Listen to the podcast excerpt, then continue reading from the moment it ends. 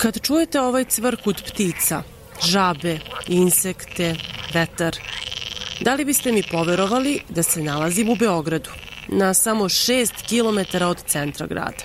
Ovo su komšije Beograđana, stanovnici Bare Reve.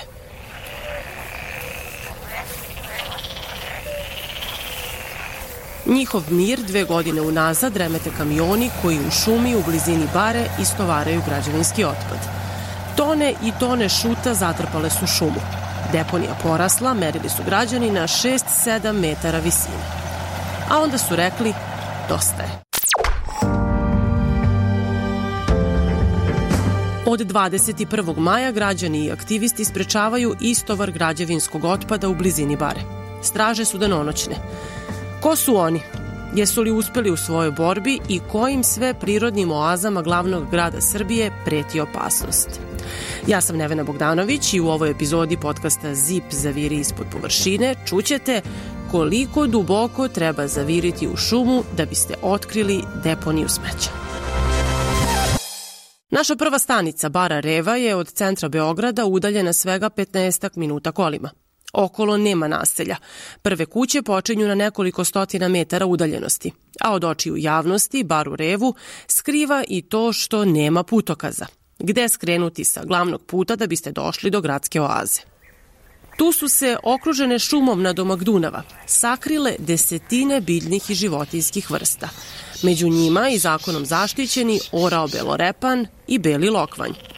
Ali u oazi prirode krije se i deponija. Šuma oko bare je, kažu meštani, dve godine zasipana građevinskim otpadom. Zamislite stotine kamiona koji su iz dana u dan zasipali šutom živo drveće. Da se otpad dovozi na tu lokaciju, saglasnost je dalo Beogradsko komunalno preduzeće. Gradske vlasti nameravaju da na toj deponiji izgrade i postrojenje za preradu građevinskog otpada. Dali su i uverenje, pričaju nam građani, da deponija šuta kod bare Reve nije opasna po zdravlje. Dozvola za izgradnju postrojenja postoji, ali ne i saglasnost dela meštana da se šut drobi na par stotina metara od njihovih kuća. Odlučili su da se pobune protiv deponije i započeli straže. Tvrde da ni jedan kamion nije izručio šut od kako oni danonoćno čuvaju baru revu.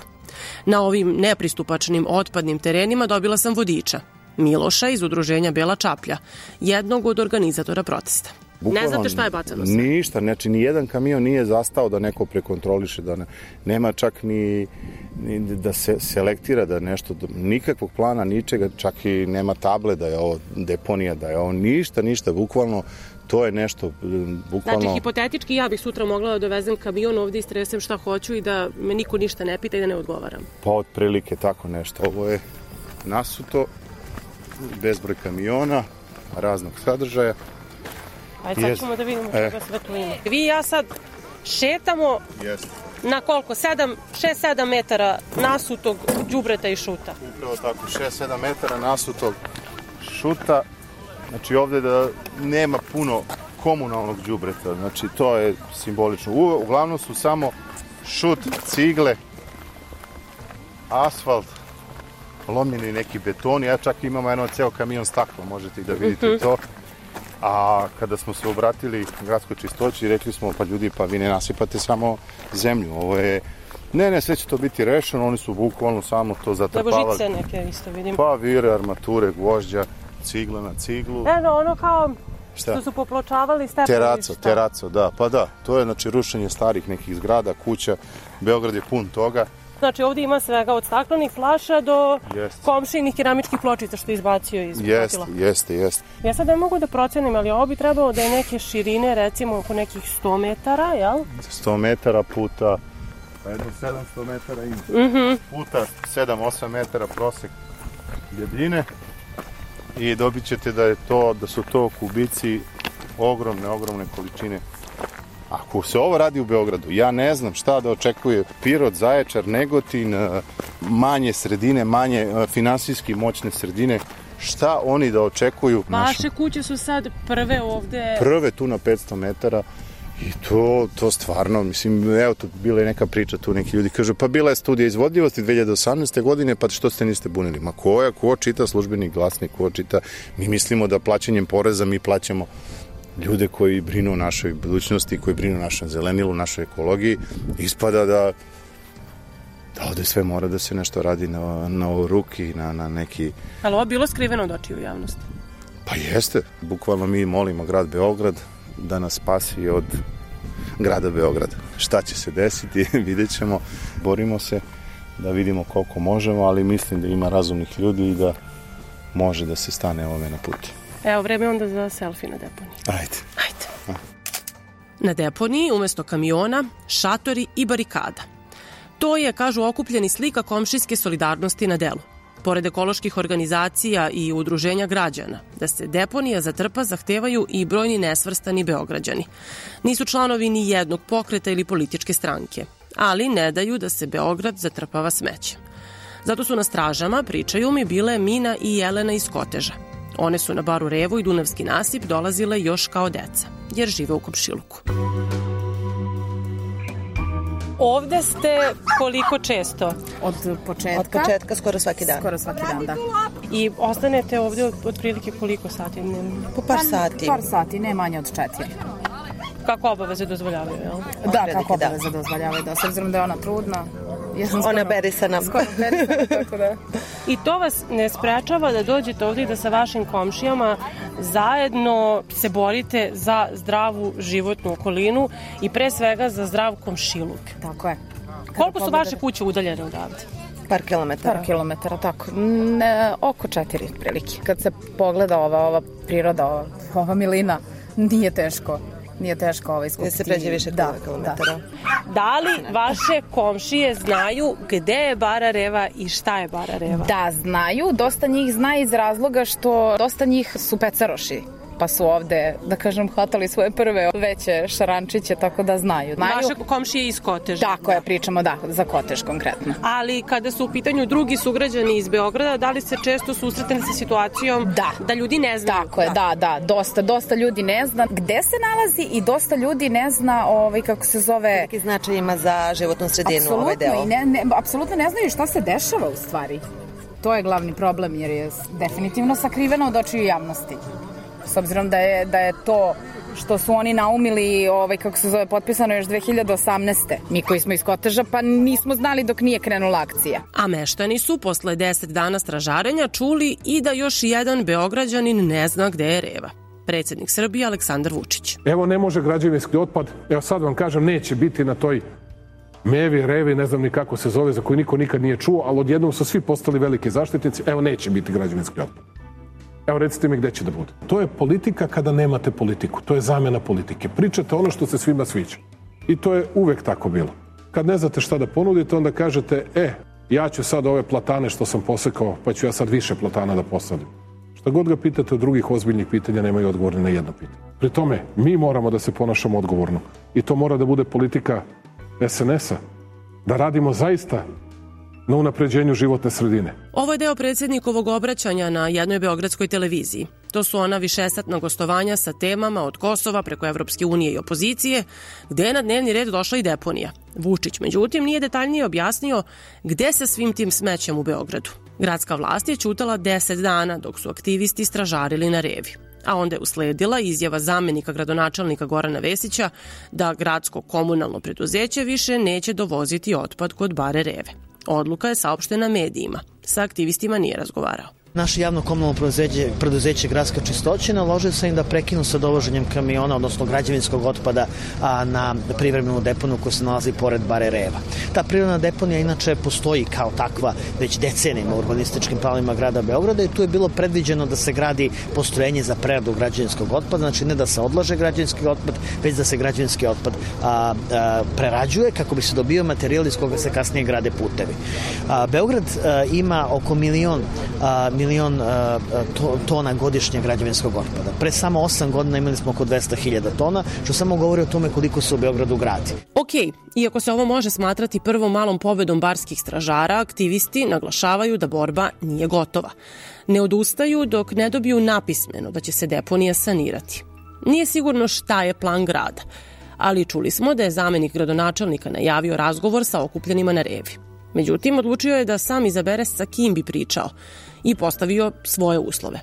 Ko ispunjava ove kriterijume, nije poznato. Razumem njihovu, e, njihovu zabrinutost i pozvaću ih na razgovor u vezi sa tim. Ali ću pozvati one koji se zaista bave zaštitom životne sredine, a ne politikante koji love u mutnom, poput onog arhitekte Bakića koji trči sa jednog do drugog protesta i, para, i stručnjake za sve od životne sredine do arhitekture, do ne znam prava ili medicine. Prema tome pozvaću one, one zaista koji se bave zaštitom životne sredine da popričamo o tom problemu, jer e, tamo je grad e, hteo, imao je pravo po urbanizmu da nas sagradi postrojenje za preradu građevinskog otpada. E, ja razumem da ljudi, e, kažem, imaju protiv da se nešto dešava u njihovom košiluku, ali nije dovoljno da budu samo protiv. Moraju da ponude neka rešenja. Arhitekta Dragoljub Bakić je, kako smo čuli, za aktuelnu gradsku vlast politikant sa kojim neće da razgovaraju.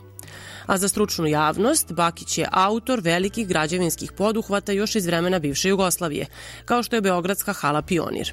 I sa svojih više od 80 godina bio je među stražarima na revi. Kaže da u penzionerskim danima prati nove gradske projekte i da javno daje savete kako da grad bude po meri svih i ljudi, ali i biljaka i životinja koje nemaju pravo glasa na izborima ili u gradskom parlamentu.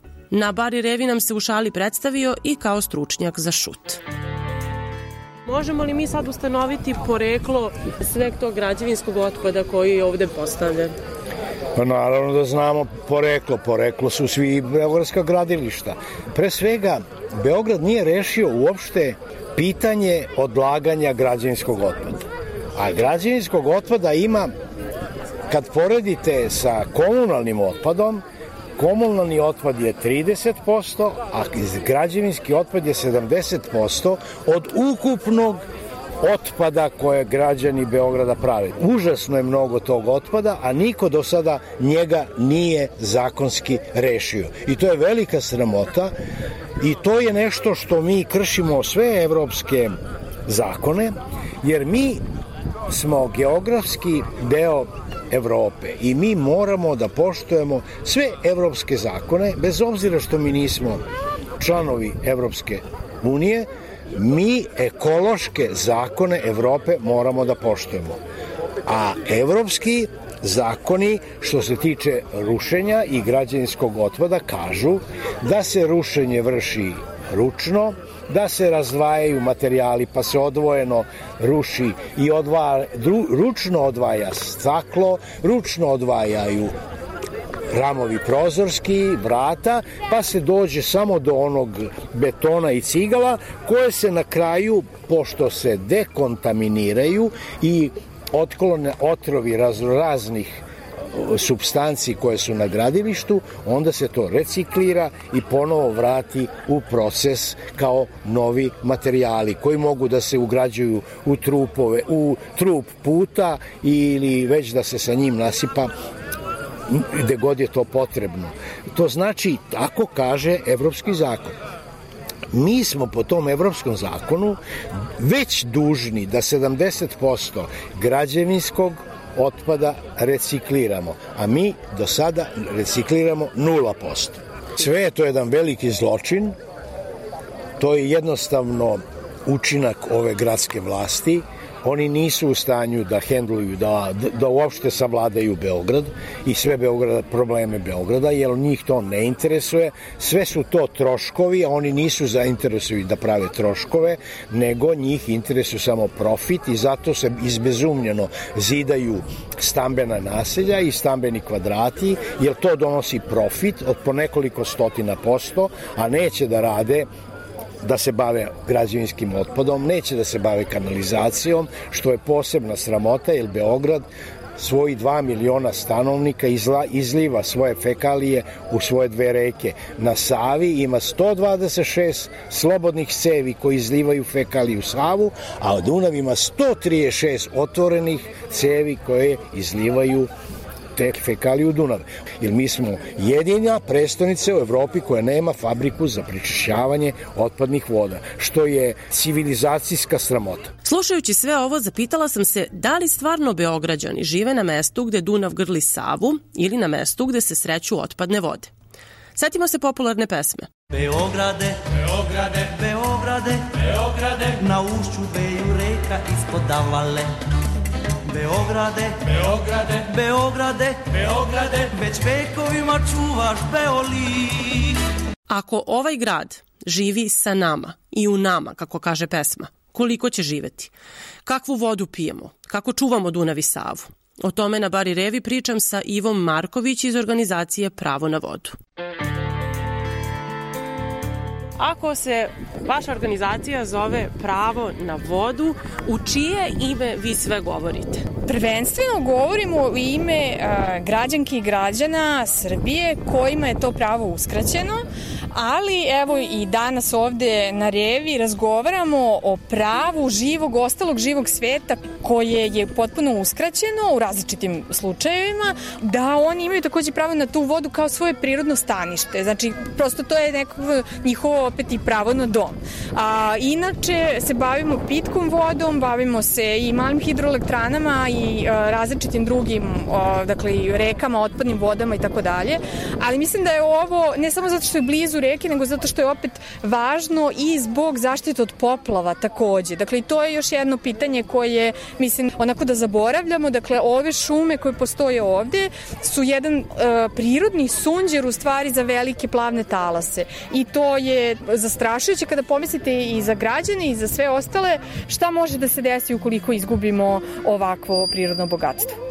U kojoj meri je nama to pravo danas uskraćeno kada je reč o e, rečnim obalama, gradskim nasipima, ušću Save u Dunav i ovakvim rezervatima, pošto Bara Reva zakonom nije zaštićeno prirodno da. područje. Danas smo baš razgovarali o tome da podnesemo inicijativu za zaštitu Bare Reve, zato što mislimo da ovo stalno ovo jurnjava i skakanje tamo gde nešto gori, ne možemo, prosto je nemoguće da se to sve postigne i onda je bolje imati taj pozitivan pristup, ajde da zaštitimo. Ono što je za, vezano za druge obale su naravno ti splavovi, sojenice i sve ostalo što imamo u, na Savskom nasipu, ali imamo ih i svugde i, i Dunavski ke je takođe okupiran njima i oni na neki način privatizuju mogućnost pristupa uopšte tim obalama koje jesu javno dobro. I po našem zakonu o vodama, vode jesu i vodno zemljište mora ostati dakle javno dobro. Međutim, ono kako sad tu zaobilazno ovaj, idu ti putevi a, davanja dozvola, tako imamo slučajeve da se neke sojenice u stvari pretvaraju u velelepne vile, tako imamo slučajeve da je moguće praviti septičke jame tamo gde je zaštit, neka zona vodoizvorišta. Iz šume zasute šutom selim se u šumu kojoj je pretila seča. Pluća grada, Košutnjak. Ovde su Beograđani prošle godine sprečili seču šume na kojoj je trebalo da nikne još jedan poslovno-stambeni kompleks sa novim hiljadama kvadrata u glavnom gradu. Dejan Jovanović iz udruženja Bitka za Košutnjak ipak misli da borba za drveće nije gotova. Košutnjak sam se sastoji od 5-6 nekih e, problema, a mi to zovemo problema, odnosno to su namere nekih investitora ili oni koji bi trebalo da čuvaju Beograd i pluća Beograda, u stvari donali su odluku da urbanizuju Košutnjak. E, to su Pionirski grad, Avala studio, Zavala film, Novo nasilje, čitav novi grad u našem Košutnjaku, a naš inače Košutnjak, ajde da ga to uporedimo najbolje sa Central Parkom u Njujorku, kako bi reagovali Njujorčani kada bi upao neko sa buldozerima i rešio da napravi novo nasilje u Central Parku. Ako ne može u Central Parku da se pravi novo nasilje, Novi grad ne može ni kod nas u Košutnjaku, jer je Košutnjak sada postao centar okupljanja građana, kao što evo i sada vidite predivno kako je predivan dan, puno dece, roditelja, maltene u centru Beograda, tri opštine prevashodno opštine Rakovica i Čukarica, skoro 300.000 stanovnika, Savski, Henac. Mnogi beograđani ne znaju, ovde buja život i danju i noć. Pred zoru, ovde je jako lepo, na primjer u 4 sata ujutru, kad krenu ovaj, ptice da se bude, a uskoro beograđani će se, ja mislim, provoditi ponovo i uvek neka to bude simbol miris, miris lipe. Kada ste otišli mm -hmm. ispred gradske skupštine, vi niste mogli da uđete unutra. Tako je. Ali ste tog dana čuli gradnje na Košutnjaku neće biti. Mm -hmm. To je bila rečenica. Da li vi u ovom momentu osim te rečenice mm -hmm. imate bilo šta drugo za šta možete da se uhvatite, papir, mm -hmm. odluku, nešto što stvarno zabranjuje gradnju na Košutnjaku, mm -hmm kako biste vi sutra bili sigurni stvarno da neće biti poslovno-stambenih kompleksa usred šume, što bi značilo da se šuma prokrači. Mm -hmm. Ne samo da nema tih dokaza da neće biti, nego suprotno. Postoje dokazi da će biti. Mi smo mislili, nakon, ne zaboravite da je predsednik Republike Srbije izašao tri puta u javnost i tri puta se pravdao. On je izjavio nema šanse da bude išta građano, mi ćemo, ja ću da vidim šta je to, neko da ona odluku prepostavlja da je mislio na neku prethodnu vlast, šta god. Mi smo nakon te njegove izjave dva puta odneli njemu predsjedništvo svojim potpisom da potvrdi tu svoju izjavu. Dva puta smo to učinili i nije uradio. A što tiče ostalih koji su davali izjave, naravno, to su uvek sve neke prevare, to smo doživjeli gore na Slečačkoj A zašto ne verujete? Zato što smo mi podneli u zakonskoj proceduri predloge skupštinskih odluka koje oni samo trebalo da prihvate. Ako su zaista iskreni u toj nameri, ako je stoji za svojih izjava, oni su trebali da prihvate, da omoguće građanima prisustvo, predstavnicima građana na toj skupštini, ne jednoj, na tri smo bili. Kad vi kažete e, dođete tamo, vi želite da govorite, odnosno građani žele da govore, u čije ime vi trenutno sada istupate? Branimo interes građana i građana Košutnjaka. Građani Košutnjaka su sve ove lepe ptice, veverice i sav živi svet koji smo mi u obavezi da zaštitimo. Ne zaboravite, košutnjak da se formira, potrebno je 110 godina. 110 godina ovog gde mi sad sedimo, to su generacije. Poslednje vreme je došlo da mi mora fizički da sprečavamo neke bagire. To je, nažalost, u, u ovom trenutku e, jedini, gotovo jedini način. Ostala nam još jedna forma koju smo mi otvorili, započeli. To je poslednje sredstvo u celom svetu, međunarodna reč, zove se referendum. A da bi građani mogli da zastupaju te svoje komšije bez prava glasa na referendumima i raznim glasanjima i peticijama, potrebno je da ih bolje upoznaju.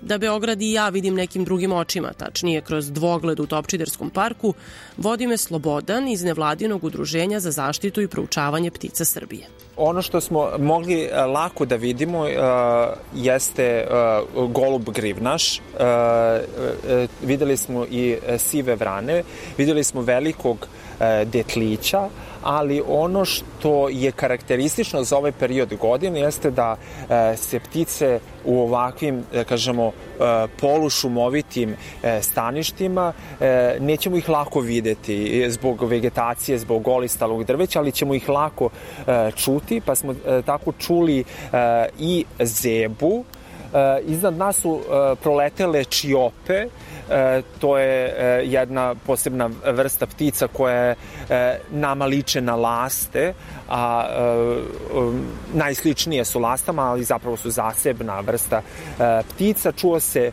i brgljez, tako da to su neke, da kažemo, vrste koje smo evo, mi za ovo kratko vreme mogli da čujemo ili vidimo ovde u Topčedarskom parku. Možda najpoznatiji, da ga tako nazovemo, stambeni kompleks za ptice nalazi se u samom srcu grada, na ušću reke Save u Dunav. To je rečno ostrvo, veliko ratno ostrvo. Tamo je gradnja zabranjena, ali postoje najave da će grad kopati bunare za vodu. Gradske vlasti nisu odgovorile na moja pitanja šta će biti sa velikim ratnim ostrvom, ali i kako nam izgledaju gradski parkovi i prirodni rezervati. Na molbu da učestvuje u podcastu ZIP nije odgovorio ni zamenik gradonačelnika. A šta kaže struka? Kakvi smo domaćini, odnosno kakvi su beograđani domaćini, odgovara mi Slobodan iz nevladinog udruženja za zaštitu i proučavanje ptica Srbije. Mi ne puštamo, ne dajemo prostor prirodi u našim zelenim površinama. I onda dolazimo do još jednog većeg problema. Znači imamo parkovske površine koje su uređene samo po meri čoveka, ali onda imamo i jedan sveopšti napad na prirodu e, glavnog grada. Vi vidite da... E, Gde je napadamo? Pa napadamo je na svim mestima. Ja, e, te, e, teško je e, izdvojiti neki deo prirode grada Beograda, bilo to čak i zaštićena područja kao što su veliko ratno ostrvo Avala ili neko drugo područje koje ne trpi nekakav pritisak. Prirodno je da se grad širi, ali on mora da se širi na održiv način, tako da omogući ne samo ljudima lagodan život, već i onim ugroženim vrstama koje takođe žive u, na, u našem okruženju. Ne možete vi povući jasnu granicu, aha, evo od ovog mesta e, počinje priroda, a ovde je grad ili urbana zona. Takve jasne granice ne postoje. Svi smo mi deo prirode. E, Republika Srbija ima pod nekim vidom zaštite samo 7,66 procenata. To je nedopustivo malo. Mi smo brojnim strategijama i brojnim planovima rekli kako ćemo mi do 2020. imati 12% zaštite, kako ćemo imati 17% teritorije pod zaštitom. Ništa od toga se nije ostvarilo. Ne idemo u korak sa svetom kada je u pitanju zaštita prirode. Ako budemo otišli na veliko ratno ostrvo i tamo počeli izgradnju bilo kakvih objekata. U ovom slučaju se pominju e, vodoizvorišta i reni bunari. Šta je tamo ugroženo? Da li mi imamo podatke koliko različitih, eto, na primer, vrsta ptica živi na velikom ratnom ostrvu i u njegovoj okolini. Više od 150 e, različitih vrsta uh, se može videti uh, i na velikom ratnom ostrvu i uh, u njegovoj okolini, ali svakako da za čitavo E, to, da kažemo, e, područje e, uz Savu i Dunav ko, koje karakterišu te plavne šume jeste zapravo značajno stanište za orla belorepana. Orao belorepan je najveći orao Evrope koji se faktički gnezdi u srcu jednog grada. Ra, veliko ratno ostrvo zaista jeste srce grada i ono što bi izgradnja Reni Bunara i bilo kakva izgradnja na velikom ratnom ostrvu pre svega učinila jeste da bi ta buka, mehanizacija, intenzivna gradnja oteralo e, ptice sa tog područja. Ono što je takođe se spominje i bilo je spominjano u medijima jeste izgradnja velikog jarbola e, na, na velikom ratnom ostrvu ili na ušću. E, to je takođe nešto što je pogubno. Zamislite vi kada govorite o jednom pa mogu slobodno reći ornitološkom rezervatu, jer govorimo o velikom ratnom ostrvu i kada, želi, da, kada se želi istaći njegova vrednost, najčešće se spominju ptice i upravo orao belorepan. Ali kako to da nadležnima nije ne morate biti nekakvo stručnjak da biste e, e, shvatili da taj veliki arbol sa tom zastavom koja leluja može biti zapravo strašilo za ptice. Da može biti, iako je na njemu simbol naše države, naša zastava, naš grb, na kome se opet nalazi ptica, orao, da li mi zapravo potpuno zanemarujemo tu vrednost koju ističe i naš grb to da, da se na njemu nalazi jedan orao, da je to nama potpuno bezvredno, da je nama samo bitno to da mi imamo jedan megalomanski jarbol sa koga bi se viorila zastava, a da on zapravo ne oslikava naš patriotizam nego zapravo naše nepoštovanje ove zemlje u kojoj živimo. Jer ne bi odgovarao e, principu zaštite zapravo vrste koja se nalazi na grbu. Volio bi da istaknem da se na grbu nalazi orao krstaš, ne orao belorepan, ali svakako vrsta orla. Koga smo uspeli da oteramo?